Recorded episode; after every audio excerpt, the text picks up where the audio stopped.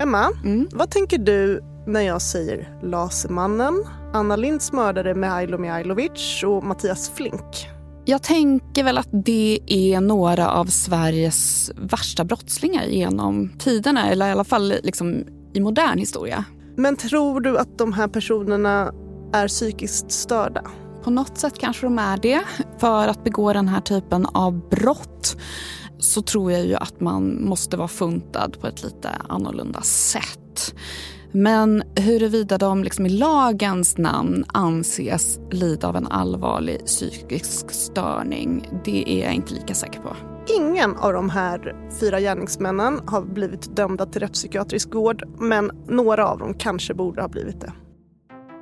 Du lyssnar på A-kursen, en podd som ger dig grundläggande kunskaper i aktuella ämnen. Och idag kommer vi fördjupa oss i rättspsykiatrisk vård. För domstolar i Sverige kan ju döma till rättspsykiatrisk vård om den som är misstänkt för ett brott lider av en allvarlig psykisk störning. Men när en person döms till rättspsykiatrisk vård i ett uppmärksammat rättsfall kan det ofta låta som att den personen kom alldeles för lindrigt undan. Samtidigt i fall där straffpåföljden inte blir rättspsykiatrisk vård kan det också väcka misstro. Kan en så här grov brottsling verkligen vara frisk? Föräldrarna i det uppmärksammade fallet med den ättiksförgiftade flickan i Eslöv ska stanna kvar i häktet i väntan på dom. Båda föräldrarna ska även genomgå en rättspsykiatrisk undersökning. Varför menade du att det fanns skäl till fängelse och inte rättspsykiatrisk vård trots att eh, professionen, rättspsykiatrin, menade att det var vård han skulle ha och inte fängelse? Dels så tyckte jag att straffvärdet är väldigt högt, vilket är ett skäl att man kan få fängelse istället. Men jag tyckte också att hans vårdbehov var väldigt litet eller inte alls fanns något sådant. Och då är det också skäl för fängelse. Han såg inte ut att må bra. Kommer du ihåg att det kanske Han högg ner Anna framför ögonen på mig. Det är klart att han inte mådde bra. Men vad innebär egentligen rättspsykiatrisk vård? Och är det verkligen ett get out of jail card? Och vi som är med dig är jag, Clara Wallin. Och jag, Emma Frans. I'm Sandra, and I'm just the professional your small business was looking for. But you didn't hire me because you didn't use LinkedIn jobs. LinkedIn has professionals you can't find anywhere else, including those who aren't actively looking for a new job but might be open to the perfect role, like me. In a given month, over 70% of LinkedIn users don't visit other leading job sites. So if you're not looking on LinkedIn, you'll miss out on great candidates like Sandra. Start hiring professionals like a professional. Post your free job on linkedin.com/people today. Imagine the softest sheets you've ever felt. Now imagine them getting even softer over time. That's what you'll feel with Bowl and Branch's organic cotton sheets. In a recent customer survey, 96% replied that Bowl and Branch sheets get softer with every wash. Start getting your best night's sleep in these sheets that get softer and softer for years to come. Try their sheets with a 30-night guarantee. Plus, get 15% off your first order at bowlandbranch.com. Code BUTTERY. Exclusions apply. See site for details. Ryan Reynolds here from Mint Mobile. With the price of just about everything going up during inflation, we thought we'd bring our prices down. So to help us, we brought in a reverse auctioneer, which is apparently a thing. Mint Mobile unlimited premium wireless. Ready to get 30, 30, bit to get 30, bit to get 20, 20, 20, bit to get 20, 20, bit to get 15, 15, 15, 15 just 15 bucks a month. So, Give it a try at mintmobile.com/switch. slash $45 up front for 3 months plus taxes and fees. Promo rate for new customers for limited time. Unlimited more than 40 gigabytes per month slows. Full terms at mintmobile.com. A-kursen sponsras av Akademikernas a-kassa. Det är också Sveriges största a-kassa. Och varför ska man vara med i a-kassan? För att sova bättre om nätterna. För det här är ju någonting som ger en trygghet. Man står inte helt utan pengar om man då skulle bli av med arbetet. Och det är ju jättetråkigt att bli av med jobbet men det blir ju mindre tråkigt om man har safeat upp lite och betalat in 130 kronor i månaden till akademikernas a-kassa så att man ändå kan få ut upp till 26 400 kronor i månaden. Och om man inte blir av med jobbet så kan man ju vara glad med att man bidrar till trygghet för någon annan som förlorar jobbet. Ja, och om man byter jobb då behöver man ju inte heller byta a-kassa just för att det handlar ju inte om exakt vad man sysslar med utan det handlar ju om huruvida man är akademiker eller inte. Och det är vi hela livet. Verkligen, det är vi ju redan som studenter och även studenter är välkomna att bli medlemmar om man har som mål att ta minst 180 högskolepoäng. Så gå in på akademikernasakassa.se a-kursen i ett ord och bli medlem redan idag. Och tryggare kan inga vara än vi medlemmar och Guds lilla barnaskara. Ni två. Mm. Jag tror barnaskaran är större och medlemmarna med. Tusen tack Akademikernas a-kassa för att ni sponsrar A-kursen. A-kursen sponsras av TCO, Tjänstemännens centralorganisation. Föräldraförsäkringen fyller 50 år i år. Hipp hipp hurra! Hurra för dem! Eller hurra för oss! Ja, gud ja. Vi är ett rätt stort gäng som har kunnat njuta av denna föräldraförsäkring som när den kom till kallades för ett vansinnigt förslag av motståndarna. Men den revolutionerade synen på jämställt föräldraskap och utvecklingen mot en mer jämställd fördelning av föräldrapenninguttaget har gått framåt. Men sen 2018 har det stått nästan helt still på den fronten, vilket är ju supertrist. För det här ojämna uttaget skapar långvariga och bestående inkomstskillnader mellan kvinnor och män. Och i snitt går kvinnor miste om 50 000 kronor per år. Och det här innebär ju att pappor missar en massa värdefull tid med sina barn. Så det blir ju en lose-lose situation. Hur hade ni det? Var ni bra på att dela? Vi var väldigt bra på att dela skulle jag säga. Jag tog första delen, men sen hade vi faktiskt också ett upplägg som var jättehärlig. Där vi båda liksom jobbade halvtid och var föräldralediga på halvtid sista liksom perioden innan i alla fall vårt andra barn började på förskola. Så dela mera, säger vi. Eller hur? Absolut. Och för att fira denna fantastiska dag som föräldraförsäkringen firar så har TCO gjort en dokumentärfilm ledd av skådespelaren Emma Molin som i lite härlig historieätaranda berättar om vad som egentligen hänt sedan 1974. Så in och kika på den på TCOs sajt. Tack TCO för att ni sponsrar A-kursen. Och för att reda ut de här begreppen så bjöd jag in Axel Haglund till studion. Och Axel är överläkare på Rättsmedicinalverket och anknuten forskare vid Karolinska institutet. Rättspsykiatrisk vård i Sverige finns i två typer kan man säga. Den ena är den akuta formen av vård som man kan få om man är anhållen, häktad eller redan dömd till fängelse. Om det seglar upp ett behov, då kan man omedelbart få rättspsykiatrisk vård. Men den andra formen, den vi kanske kommer prata mer om idag, det är när man döms i en domstol till påföljden rättspsykiatrisk vård. Så det är de formerna av rättspsykiatrisk vård som finns i Sverige. Då, då. Och varför döms man till rättspsykiatrisk vård istället för fängelsestraff? I Sverige har vi då en lagstiftning. Det här regleras alltså i brottsbalken och den nuvarande formen då, den började 92. Så att det är lite drygt 30 år nu. Och I den så står det då att den person som ska dömas för ett brott där påföljden kommer bli en frihetsberövande påföljd då, då och personen då har begått de här gärningarna eller gärningen under påverkan av en allvarlig psykisk störning och att den här allvarliga psykiska störningen den finns kvar när man gör undersökningen efteråt och det finns ett vårdbehov kan man säga. Då. Under de förutsättningarna kan man då dömas till rättspsykiatrisk vård istället för fängelse.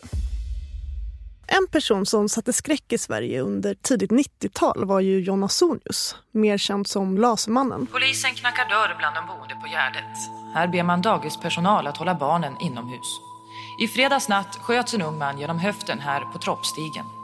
Strax innan skottet såg mannen ett koncentrerat rött ljus framför sig. Han satte i system att cykla ut med ett gevär eller pistol i syfte att hitta personer som inte var blonda och blåögda och skjuta dem. En vettvilling beväpnad med ett gevär med lasersikte finns någonstans i området. Och jag läste i DN från den 17 december 1993 John Ausonius, som i lasermålet fällts för ett mord och nio mordförsök på män av utländsk härkomst, är inte så allvarligt psykiskt störd att han behöver vård. Det framgår av den rättspsykiatriska undersökningen som blev klar på torsdagen. Därmed är det klart att Ausonius kommer dömas till ett långt fängelsestraff. Ausonius beskrivs som en person som är psykiskt störd, men inte så allvarligt att han behöver vård. Hans brott kan delvis förklaras med att han med sin brist på medkänsla, sin obenägenhet att ångra sig och sitt allmänt självokritiska omdöme har varit oförmögen att hejda sig och upphöra med sina våldsbrott. Så det är ju inte så att den rättspsykiatriska undersökningen säger här har vi en fullt frisk, välfungerande människa. Men han är inte så pass sjuk att han kan dömas till rättspsykiatrisk vård. Jag tycker att det här med rättspsykiatri är väldigt spännande just för att det befinner sig i gränslandet mellan psykiatri och juridik. Och just det här begreppet allvarlig psykisk störning har jag förstått att det är liksom inte en diagnos utan det är ett juridiskt begrepp. Så det är väl kanske också därför det kan vara svårt att få ihop det. Att en person kan ha en diagnos eller vara liksom psykopat fast ändå inte då anses lida av en allvarlig psykisk störning. Har alla som döms till rättspsykiatrisk vård en psykiatrisk diagnos? Det korta svaret är ja, alla har en diagnos. Men rent principiellt, om jag ska utveckla det lite, så är det att det är inte nödvändigt med en diagnos. Utan i Sverige har vi ett begrepp som är allvarlig psykisk störning som inte är bundet till specifika diagnoser eller så. Och så som det här lagstiftaren har tänkt sig det här äh, konceptet allvarlig psykisk störning så är det liksom inte helt... Äh, det står ingenstans att man måste ha en diagnos. Men det ska ha grav påverkan på ens psykiska funktionsförmåga och så. Och rimligen så innebär det att man också kan diagnostiseras. Det var det lite mer komplicerade svaret. Men jag skulle säga att alla har någon form av diagnos när man döms. Men om vi vänder på den här frågan då. Personer som döms till fängelse, är alla de psykiskt friska? Ja, alltså det där kan man ju se då i media ibland att ja, bedömd frisk utav Rättsmedicinalverket. Det stämmer ju kanske inte riktigt. Då, då De allra flesta som passerar oss där vi gör undersökning är det ju något tillstånd som går att diagnostisera. Men det kan handla om att det är en form av psykisk ohälsa eller psykiatrisk problematik som inte faller under det här begreppet. Då. till exempel om vi tar missbruk eller personlighetsrelaterad problematik, ångest, ångesttillstånd och de allra flesta depressioner räknas inte. Och det är ju sådana diagnoser som är väldigt vanliga i samhället och som också är det vet man från studier då att personer som hamnar i fängelse de är väldigt belastade psykiatriskt på olika sätt.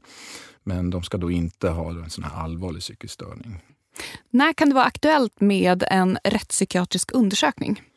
Ja, det är ett beslut från eh, domstol då som förordnar till Rättsmedicinalverket, då, där jag arbetar, att göra en rättspsykiatrisk undersökning. Och eh, det är i den situation där domstolen har ett mål med en person som då är på väg att dömas till en frihetsberövande påföljd. Och man har av någon anledning fått en misstanke om att den här personen skulle kunna lida av en allvarlig psykisk störning. Den misstanken den kan komma från olika håll. Det kan vara försvaret, det kan vara åklagaren, det kan vara domaren själv i målet som uppfattar det vid en häktesförhandling eller något sånt där. Men de kriterier som ska vara uppfyllda det är att det ska finnas övertygande bevisning eller att personen har erkänt. Så att det ska vara tämligen klart att den här personen kommer dömas. Det är ganska kostsamt att göra rättspsykiatriska undersökningar och vi vill inte göra sådana i fall där det liksom sen inte blir någon påföljd alls då, på grund av bristande bevisning eller så. Och hur går det då till när man gör en rättspsykiatrisk undersökning? Man kan säga att det finns principiellt eh, två olika förfaranden. Det ena är om personen, det är några som vi gör rättspsykiatriska undersökningar på, ungefär sådär 20 procent som är på fri fot under tiden. Och de personerna de kallas till oss, de måste infinna sig och de blir inhämtade om de inte kommer. Men eh, det går till på det sättet att de är på fri fot. Kommer till oss på bokade tider och vi sitter och pratar med dem. Den andra, lite större gruppen, då, de kommer till någon av våra utredningsenheter. Då. En i Stockholm, en i Göteborg har vi. Och då vistas de hos oss. De häktade personerna, där har vi fyra veckor på oss. Så att de är lite mindre än fyra veckor på vår avdelning. Där får de träffa då, eh, till exempel mig som rättspsykiater och läkare. Man träffar en psykolog, en socialutredare som kallas för forensisk socialutredare. Och när man är på avdelningen då har man också en utredande kontaktperson som är utbildad omvårdnadspersonal som gör en omvårdnadsutredning som det heter, då, där man beskriver hur personen har fungerat på avdelningen. Då. Så att, eh, ja, det vanliga är de här fyra veckorna. Då. Är en person på fri fot och kommer till oss, då faller det här med omvårdnadsdelen bort, för då har vi inte möjlighet till det. Men vi har sex veckor på oss istället, och lite längre tid. Och den här tiden den kan förlängas om vi ber domstolen om det. Ja, det är de som ska bevilja det då. Men om vi har goda skäl så kan det behöva förlängas med någon vecka ibland. Så det tar ganska lång tid? Ja, precis. Och det där kan man höra ibland kanske när det rapporteras om det i media. Då. I de här fallen när det är övertygande bevisning som är skälet till. Då har det ju alltså hållits en huvudförhandling där all bevisning har presenterats. Och så har domstolen bestämt sig för att den här personen, det finns övertygande bevisning, personen ska dömas. Men vad ska det bli för påföljd? Och då tar man alltså en paus i huvudförhandlingen och den pausen varar då under de här fyra veckorna när personen kommer till oss för den här undersökningen och så. Och sen återupptas det efter. Men kan det någonsin vara så att liksom brottet i sig är så makabert att man på något sätt tänker att det här kan en frisk människa inte vara kapabel till? Ja, men jag tänker att du sätter fingret på någonting som vi ju gör, alltså analyserar själva gärningen och på vilket sätt den kan hänga samman med en sjukdom. Då.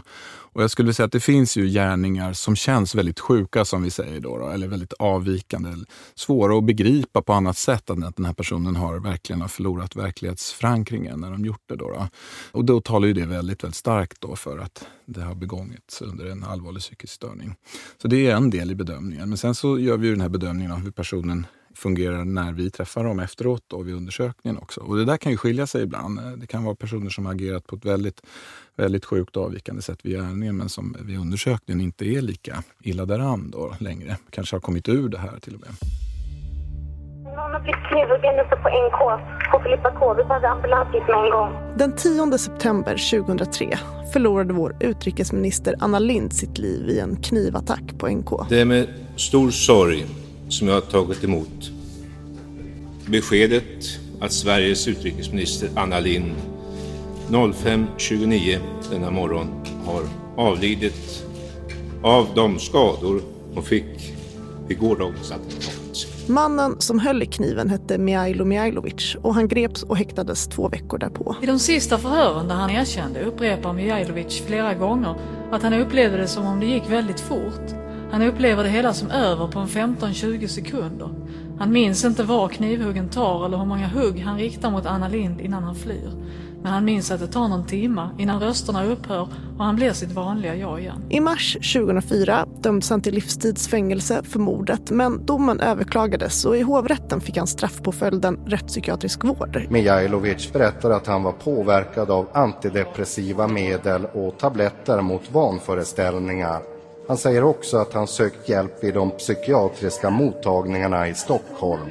Jag mådde hemskt men de skickade hem mig. Det är inte lätt att bli inskriven på sjukhus, berättar han. I december samma år togs målet upp av Högsta domstolen som gick på tingsrättens linje, rev upp hovrättens dom och gav Mihailo Mihailovic livstidsfängelse. Högsta domstolen skriver att Mihailovic har en personlighetsstörning men inte är allvarligt störd. Domstolen går alltså emot Socialstyrelsens experter som tyckte att han skulle få vård. Detta upprör hans förra advokat. Om Socialstyrelsen har yttrat sig så är det i allmänhet större tillförlitlighet. Och sen går man vidare några sidor och sen kör man över Socialstyrelsens rättsliga råd och det vetenskapliga rådet. Och det tycker inte jag är en övertygande argumentering. Men om han led av en allvarlig psykisk störning eller inte vid tiden för mordet är Sveriges främsta experter i rättspsykiatri fortfarande inte överens om. Opinionen för ett fängelsestraff var enormt stark och domstolen föll för trycket, säger Ulf Åsgård, psykiater, i en intervju med Aftonbladet. Men med det sagt så har det inte funkat så bra för Mijailo Mijailovic. och han har ändå fått tillbringa den mesta tiden inom rättspsykiatrin. Han borde ha hamnat där redan från början. Hans långa perioder inom rättspsykiatrin visar ju att de hade rätt, att han är sjuk och behöver vård säger återigen Ulf Åsgård. Och Leif GW Persson säger då i samma artikel i Aftonbladet att han tror att Mijailo Mijailovic och Lasermannen är de två brottslingarna vi har i Sverige som aldrig kommer släppas ut. Att de aldrig kommer vara redo för ett liv på utsidan. Men det där är ju jätteintressant och det tänker jag i båda de här fallen. Att man kan tänka sig att det bildades en ganska stark opinion. Folk vill ju att de här värsta skurkarna ska få fängelse, tänker jag. Att det känns liksom som de kommer för lätt undan om de får rättspsykiatrisk vård. Socialstyrelsens rättsliga råds expert har fått både hotbrev och otrevliga samtal för att han ville att Mijailovic skulle dömas till vård. Han står fast vid sin bedömning, men tycker ändå att det är rätt att Högsta domstolens jurister värderat och vägt de olika oeniga experterna mot varandra. Domstolen väger tyngre än en enskild expert. Och det tycker jag är bra fortfarande. Det måste vara på det sättet, annars skulle vi få någon form av expertvälde. Och det är bara att konstatera att inte heller experter är överens. Då är det bättre att ha domstolsprövning med möjlighet att överklaga stegvis till högsta instans. Ska man se rättspsykiatrisk vård som straff eller som en behandling? Behandling, det är det ju definitivt. Det är så att säga syftet. Man kan vända sig lite mot ordet straff, men det är ju så att det är ju en påföljd. Man hålls ansvarig för ett brott och det är en påföljd. Så i den bemärkelsen så är det ju en straffrättslig konsekvens av vad man har gjort. Och det finns ju två former av rättspsykiatrisk vård. Den ena som är den vanligaste, den är den när man har förenat vården med särskild utskrivningsprövning. Det innebär att det är en förvaltningsdomstol som tar alla beslut om när en person får börja gå på frigång och när personen får permissioner, övergå i öppenvård och slutligen skrivs ut. Allt det beslutar en förvaltningsdomstol och deras uppgift är så att säga utsända utav, med lagstiftarens intention att personer som har begått riktigt allvarliga brott och som, där man ser att det finns en risk för återfall i brott, att de personerna inte ska kunna skrivas ut av sjukvården hur som helst. Då, utan det här vägs in i förvaltningsdomstolens beslut. Så att man inte skrivs ut förrän man ser att den här risken är hanterad av vården. Så det här blir ju en samhällsskyddande funktion som så att säga den enskilde individen inte riktigt eh, kanske uppskattar då förstås. Och den här behandlingen som ges för personer som är inom rättspsykiatriska vården som kanske saknar sjukdomsinsikt och, och behandlingsmotivation, så de kan ju uppleva det lite som ett straff, att man får vård som man inte har bett om. Så i den bemärkelsen så finns det ju liksom på flera sätt kanske man kan argumentera för att det, det finns en straffkomponent i det här utöver behandlingen. Då. Finns det fördelar att dömas till rättspsykiatrisk vård och därmed en risk att någon försöker vilseleda er under den här undersökningen? Det här är kanske den vanligaste frågan man får som rättspsykiater i utredande. Så där, det här med hur vanligt det är att folk försöker lura er? Då? Jag skulle säga att det, det förekommer, men det är liksom i båda riktningar. Alltså, sjuka personer som är ganska sjuka, då, som dissimulerar som man säger, som gör sitt bästa för att inte det ska märkas så, för att man är orolig för att dömas till vård. Man vill inte ha vård kanske. Men sen finns det ju också det här scenariot då med personer som försöker då fejka sjukdom. Och jag vill nog påstå att vi vi är ganska så vana vid att försöka se igenom det här. De här personerna som är häktade, de är hos oss dygnet runt under ganska lång tid. Det är inte lätt att hålla upp en trovärdig fasad i flera veckor. Men det är klart, det kan hända någon gång ibland. Och det finns ju, om man tittar då på det här med vårdtider, då finns det en studie utan kollegor till mig då, som kom i våras, som gör en väldigt noggrann undersökning av hur långa vårdtiderna är inom rättspsykiatrin. Och där har man då kommit fram till att medianvårdtiden ligger på sju och ett halvt år en ganska lång tid som den rättspsykiatriska vården pågår. Så det är ju bara i de här fallen där det handlar om väldigt lång påföljd, alltså långa fängelsestraff där det kan liksom börja låta som något rationellt, rimligt att jag provar och ser om jag kan dömas till vård istället och så ska jag ta mig ut snabbare då. Men då vill jag ju säga det att det är liksom, vi försöker att förklara det här på ett bra sätt då, så att personer förstår att det här att hamna fel, en frisk som hamnar inom vården, det blir ofta väldigt tokigt. Det är nämligen så att för att kunna skrivas ut så kan det vara väldigt negativt om man är ganska utpräglat kriminell och man är missbrukande och återfaller lätt i de bitarna. Så att man kan bli kvar väldigt länge i vården. Och med den här särskilda utskrivningsprövningen så den är ju till för att man inte ska kunna skrivas ut så snabbt heller. Då, då. Så att man ska liksom inte... Det är inget get out of jail Nej, card. det är liksom inte Nej. jubel i rättssalen. Jag fick vård nu, ska jag knalla ut här efter ett halvår efter att ha begått ett mord. Systemet ser inte riktigt ut på det sättet. Då. Den rättspsykiatriska vården är liksom inte tidsbestämd på samma sätt som ett fängelsestraff? Exakt, den är ju inte det. Utan hur lång tid man blir kvar inom vården det bestäms av flera olika saker. Men i de fall där det är särskild utskrivningsprövning då är det alltså en förvaltningsdomstol som då tar hänsyn till vad är det för gärningar som ligger till grund för det här. Och om det då är till exempel, som i den här studien, skulle man säga dödligt våld. Bland de som har dömts till rättspsykiatrisk vård på grund av dödligt våld, där var medianvårdtiden 11 år. Så det motsvarar ju ett fängelsestraff på 16 år minst. Då. Och det är medianen, så att hälften får längre. Så, så att, eh, det finns situationer där man kan förstå på ett sätt att den klient vi utreder har förhoppningar om att kan jag få vård så kanske det blir lite bättre. Sen ska man ju komma ihåg att det är ganska olika betingelser att vara på en vårdavdelning och vara på anstalt. Personer som behöver vård, där är det väldigt olyckligt att hamna fel. Man har inte alls samma möjligheter att hjälpa den här personen under ett anstaltspåföljd. Så att eh, det går åt båda håll. Burrows furniture is built for the way you live.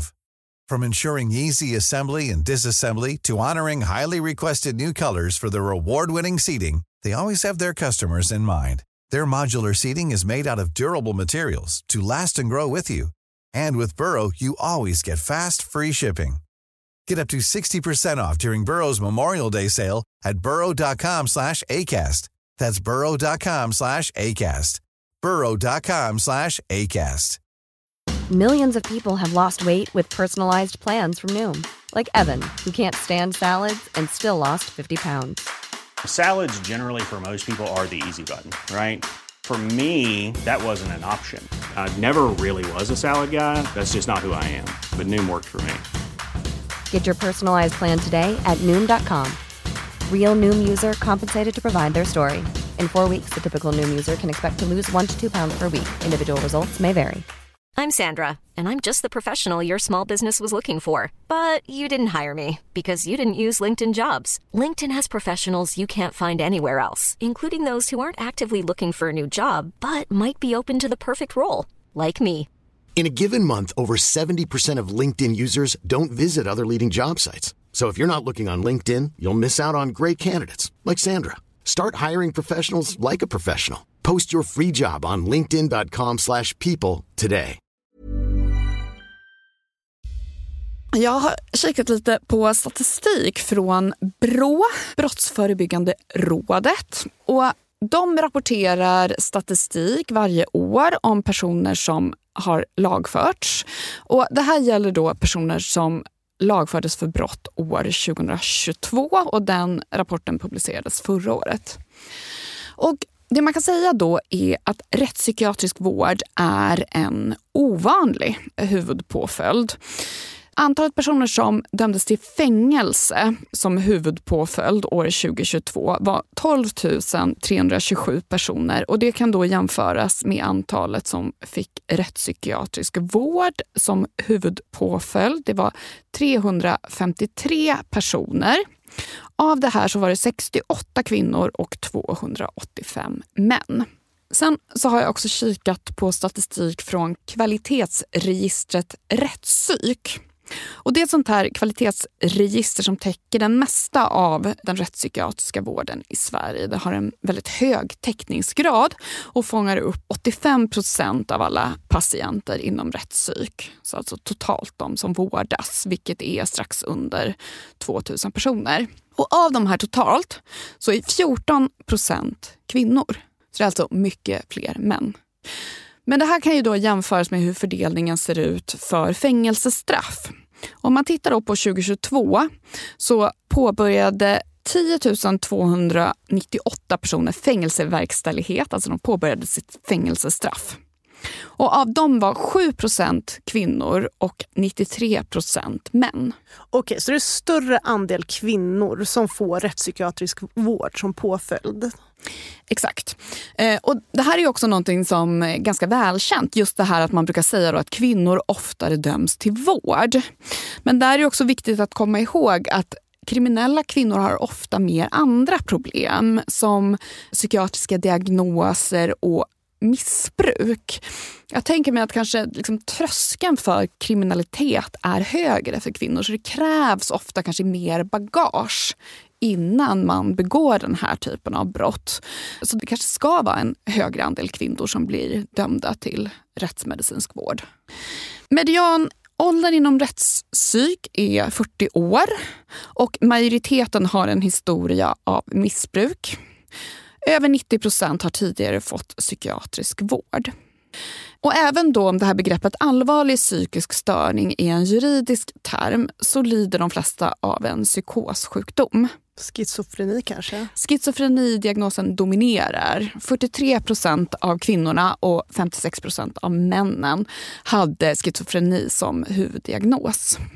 Och vilken typ av brott då döms de här personerna för? Oj, ska jag gissa? Om du vill. Då tänker jag att väldigt många som har begått brott har gjort det under en psykos. Och kanske misshandel då? Ja, precis. 45 procent av kvinnorna och 52 procent av männen dömdes för det som kallas för brott mot liv och hälsa. Och det innefattar bland annat mord, dråp, misshandel, grov misshandel. Och det kan man ju jämföra då med de som dömdes till fängelse 2022. Och där var då de antalsmässigt största brottstyperna, alltså huvudbrotten, trafikbrott. 20 procent. Oj, som man döms till fängelse för? Ja, alltså då är det grovt rattfylleri. Mm.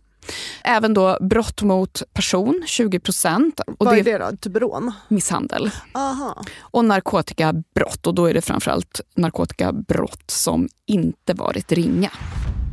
Man stöter väl på det ibland att rättspsykiatrisk vård skulle vara en sån enkel påföljd. Då, då. Det kanske anknyter lite grann till din fråga om folk fejkar. Då, då, att den föreställningen kan finnas att får man det så har man i princip gått fri. Va? Man, om man då inte visar sig vara så sjuk så kanske det blir kortvarigt. Så. Och det där kan nog leva kvar lite grann från den tidigare liksom, förhållningssättet och lagstiftningen som fanns. Fortfarande på 80-talet så kunde det hända att personer dömdes till rättspsykiatrisk vård för väldigt allvarlig brottslighet och skrevs ut bara någon månad eller månader senare. Men så ser det inte ut idag helt enkelt. Så det är ju en myt att det är på det sättet. Då. Att det kan vara en easy way out på det sättet. Det är den 14 december 1990 när en 30-årig man iförd tomtemask bryter sig in hemma hos en bankdirektör. Han är beväpnad med kniv och pistol och med sig har han en 18-årig kumpan i rånarluva. Med fejkad finsk brytning hotar de bankdirektören och 18-åringen följer med honom till kontoret där han lyckas få 245 000 kronor. Medan den 30-åriga tomten håller bankdirektörens hustru och 11-åriga son gisslan. Han är aggressiv och med en kniv hugger han i möbler och väggar och hotar att han ska döda dem.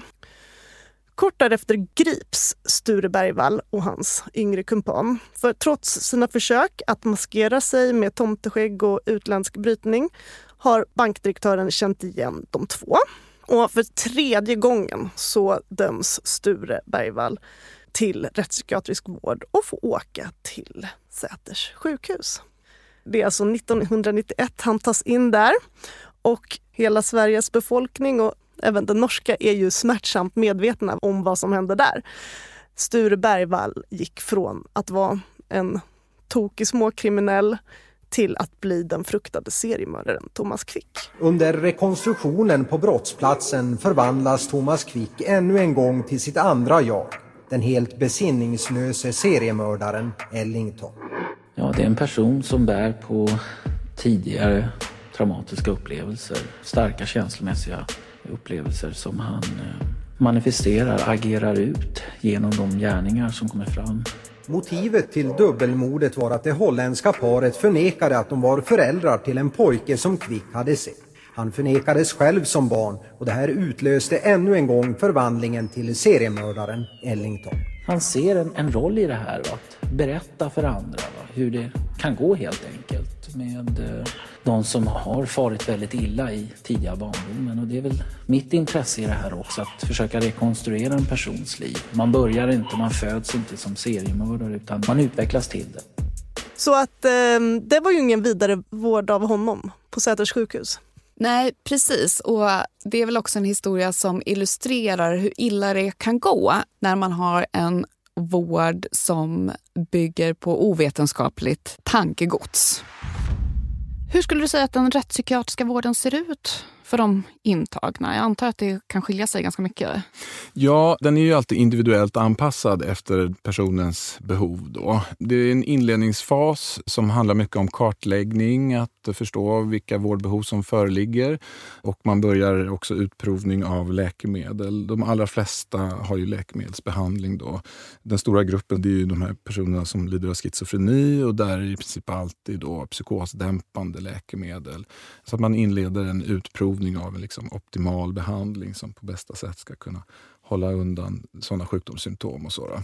Så det är liksom inledningen sen. Och sen så är det ju så att inom rättspsykiatriska vården jobbar inte bara läkare, sjuksköterskor och omvårdnadspersonal på avdelningen utan det finns ju psykologer som kan bedriva terapier, kuratorer som håller i kontakter, sociala kontakter, stöttning kring ekonomi, boende och sådana saker som blir jätteviktiga när man kommit en bit in i vården och börjar blicka framåt mot utskrivning och så. Det finns också arbetsterapeuter, sjukgymnaster. Så det, det finns liksom en väldigt bred arsenal av åtgärder som kan komma att eh, användas under vårdtiden. Och vad är målsättningen med vården? Det är alltid att hitta den optimala behandlingen, alltså det bästa sättet att hantera den sjuklighet som det är frågan om. Det finns liksom alltid med där. Det, det, finns inga scenarion där man sätter det åt sidan om man säger så. Men sen så när det kommer till det här med särskild utskrivningsprövning, som jag nämnt lite tidigare, så det handlar om att reducera riskerna för återfall i brottslighet. Så att det liksom blir ganska styrande för de insatser man gör. Man liksom tittar på vad är det som kan leda till liksom liksom ökad risk att den här personen återfaller. Och då får man tänka väldigt brett. Då. Men kan det eh. vara att man är missbrukare? Då behöver ja, man få liksom, behandling för det? Då behövs behandlas för det och det behöver planeras hur man ska liksom kunna förebygga så långt det går att den här personen hamnar i situationer där man återfaller. Då, så att säga. Och för att en person med missbruksproblematik inte ska snabbt halka in i det igen, då är det jätteviktigt med en social situation omkring en när man kommer ut som är liksom stabil på något sätt. En person som inte har tak över huvudet ökar ju risken jättemycket att man är tillbaka i, i droganvändning och så. Så att väldigt mycket sådana saker som man jobbar med lite senare under vårdförloppen då. Och sådana saker som kan ta ganska lång tid. Det är nog det vi ser lite i de här siffrorna över vårdtider. Det är att det tar tid att ordna sociala aspekter och, och inför utskrivning. Sådär. För där är det nära samarbete med kommuner kring olika typer av boendeformer och så som, som inte är så lätt att bara vaska fram i sådär blixtsnabbt alla gånger. Och ibland kan det vara att man får prova sig fram då, ett första försök med någon form som inte riktigt eh, funkade. Och då får man gå tillbaka några steg och prova igen. Så, så att, eh, den här initiala kartläggande behandlingsfasen, den behöver inte vara särskilt lång egentligen. Den, den kan man känna att man är liksom färdig med inom första halvåret. Men sen vidtar väldigt mycket arbete som eh, kan ta många år. Då. Och hur ser återfallsrisken ut för de här patienterna jämfört med personer som får fängelsestraff? Jo, jag tittade i eh, BRÅ, då, Brottsförebyggande rådet. De har en liksom preliminär rapport Eh, där de tittar på återfallsrisken. Då, och då ser siffrorna väldigt bra ut. Det här är preliminära siffror i den rapport som ligger ute där nu. Men där ser det ut som att risken för att återfalla i brott inom ett år efter avslutad rättspsykiatrisk vård, den är 7 procent. Då. Och då motsvarande siffra för fängelsepåföljder är 44 procent. Alltså det är väldigt många av dem som kommer ut från fängelsepåföljder som återfaller inom ett år. Nästan hälften. Och den påföljd som hade sämst siffror då, det är sluten ungdomsvård år. Där var det 51 procent som, som återfaller inom loppet av ett år. Då. Och rättspsykiatrisk vård är faktiskt en av alla påföljder, inklusive olika former av skyddstillsyn och betydligt lindrigare påföljder.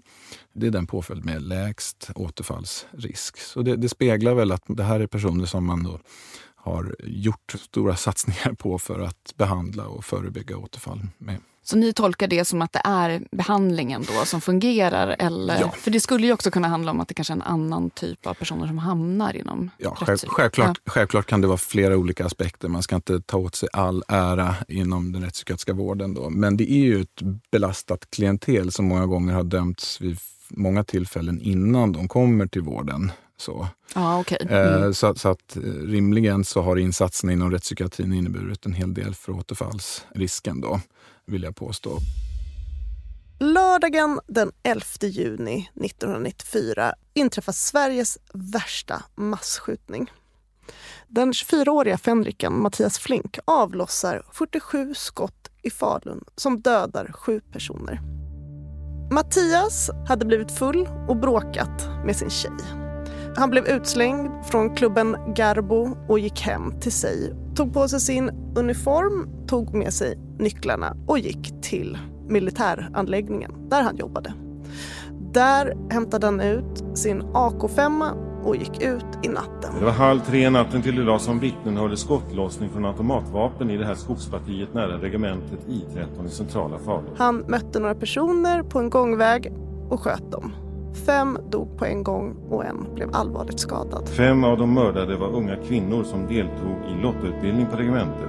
De var på hemväg från ett diskotek, gick genom skogspartiet. Han fortsatte och dödade ytterligare två. De två andra var en manlig väktare som hörde skjutandet och ännu en man på cykel några hundra meter ifrån Lund.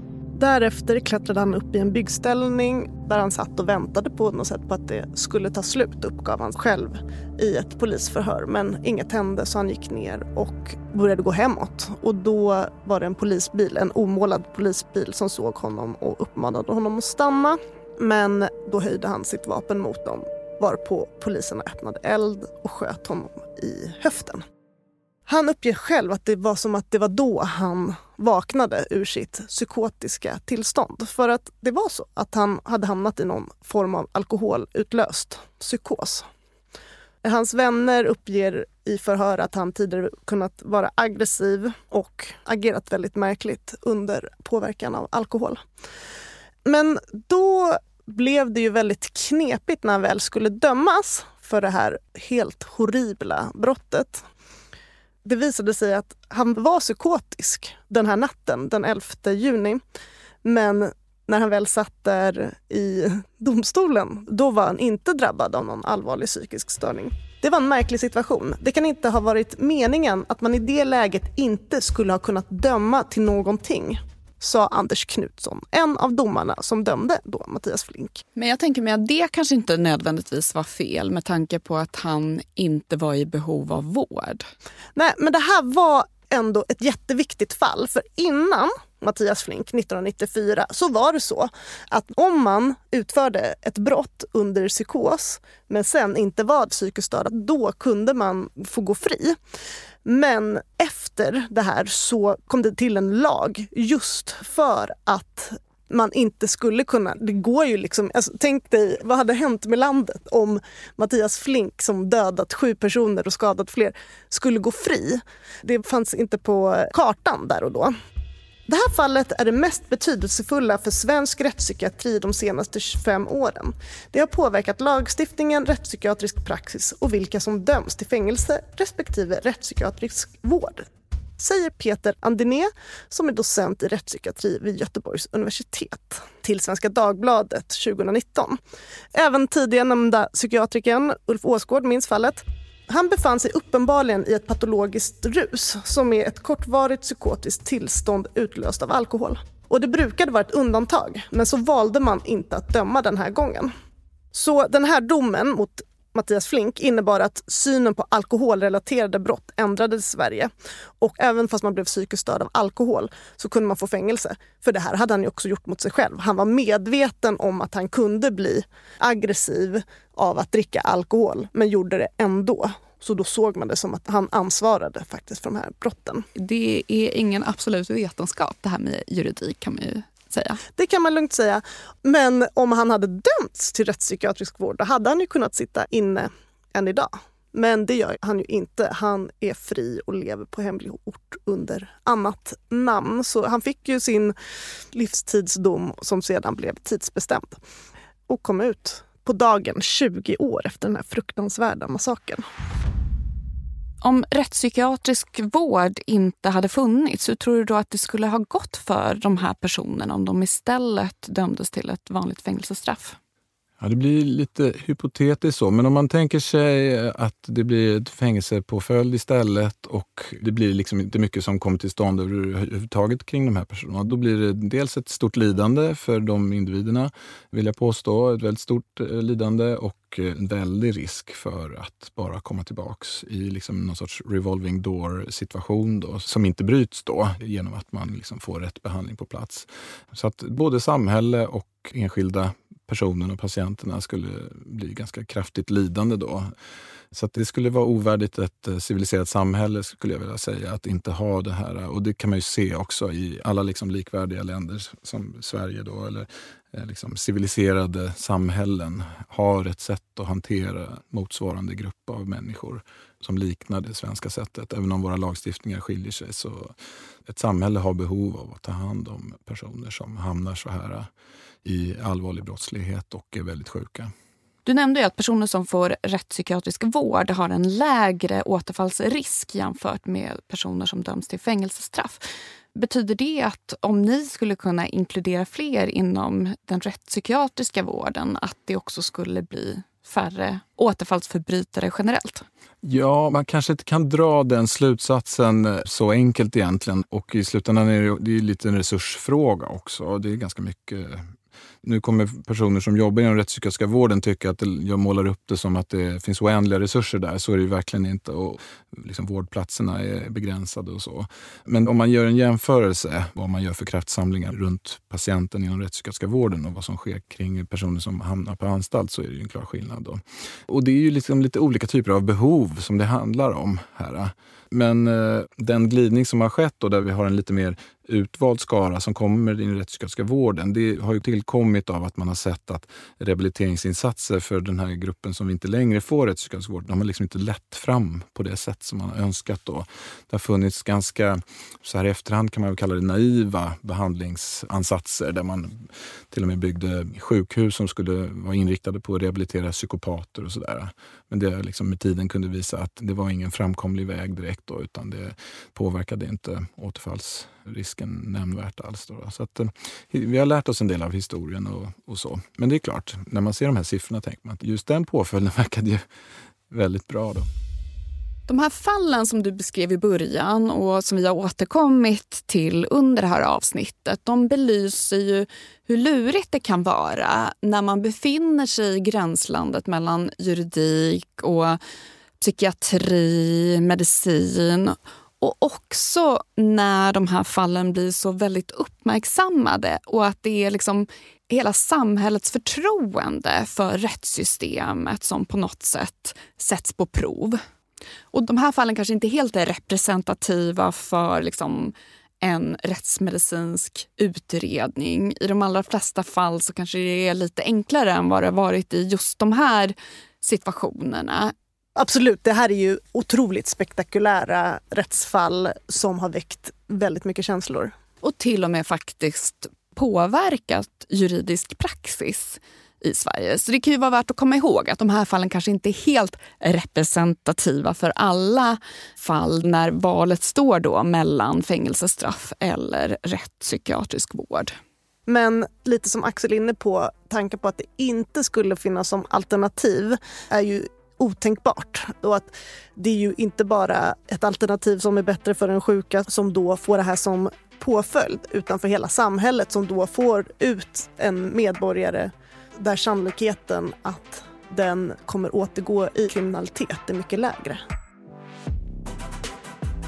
Du har precis lyssnat på A-kursen om rättspsykiatrisk vård med mig, Clara Wallin. Och med mig, Emma Frans. Och som vanligt har vi en tenta på vår Instagram. Följ oss, A-kursen understreck podd och du hittar tentan i våra händelser. Den läggs upp under dagen detta avsnitt kommer ut. Och om du gillar det här programmet, om du vill höra fler A-kurser så glöm inte att prenumerera så missar du inte något av våra avsnitt. Gillar du inte det här avsnittet så kanske du gillar nästa avsnitt. Man vet aldrig. Det är alltid värt att prenumerera. Och bra jobbat att har lyssnat så här långt och du har hatat allt vi sagt. Det är nästan värt ett betyg på fem bara det. Om vi kan ge poäng på våra lyssnare så får ju ni fem i alla fall av oss. Och det här avsnittet har spelats in på Beppo.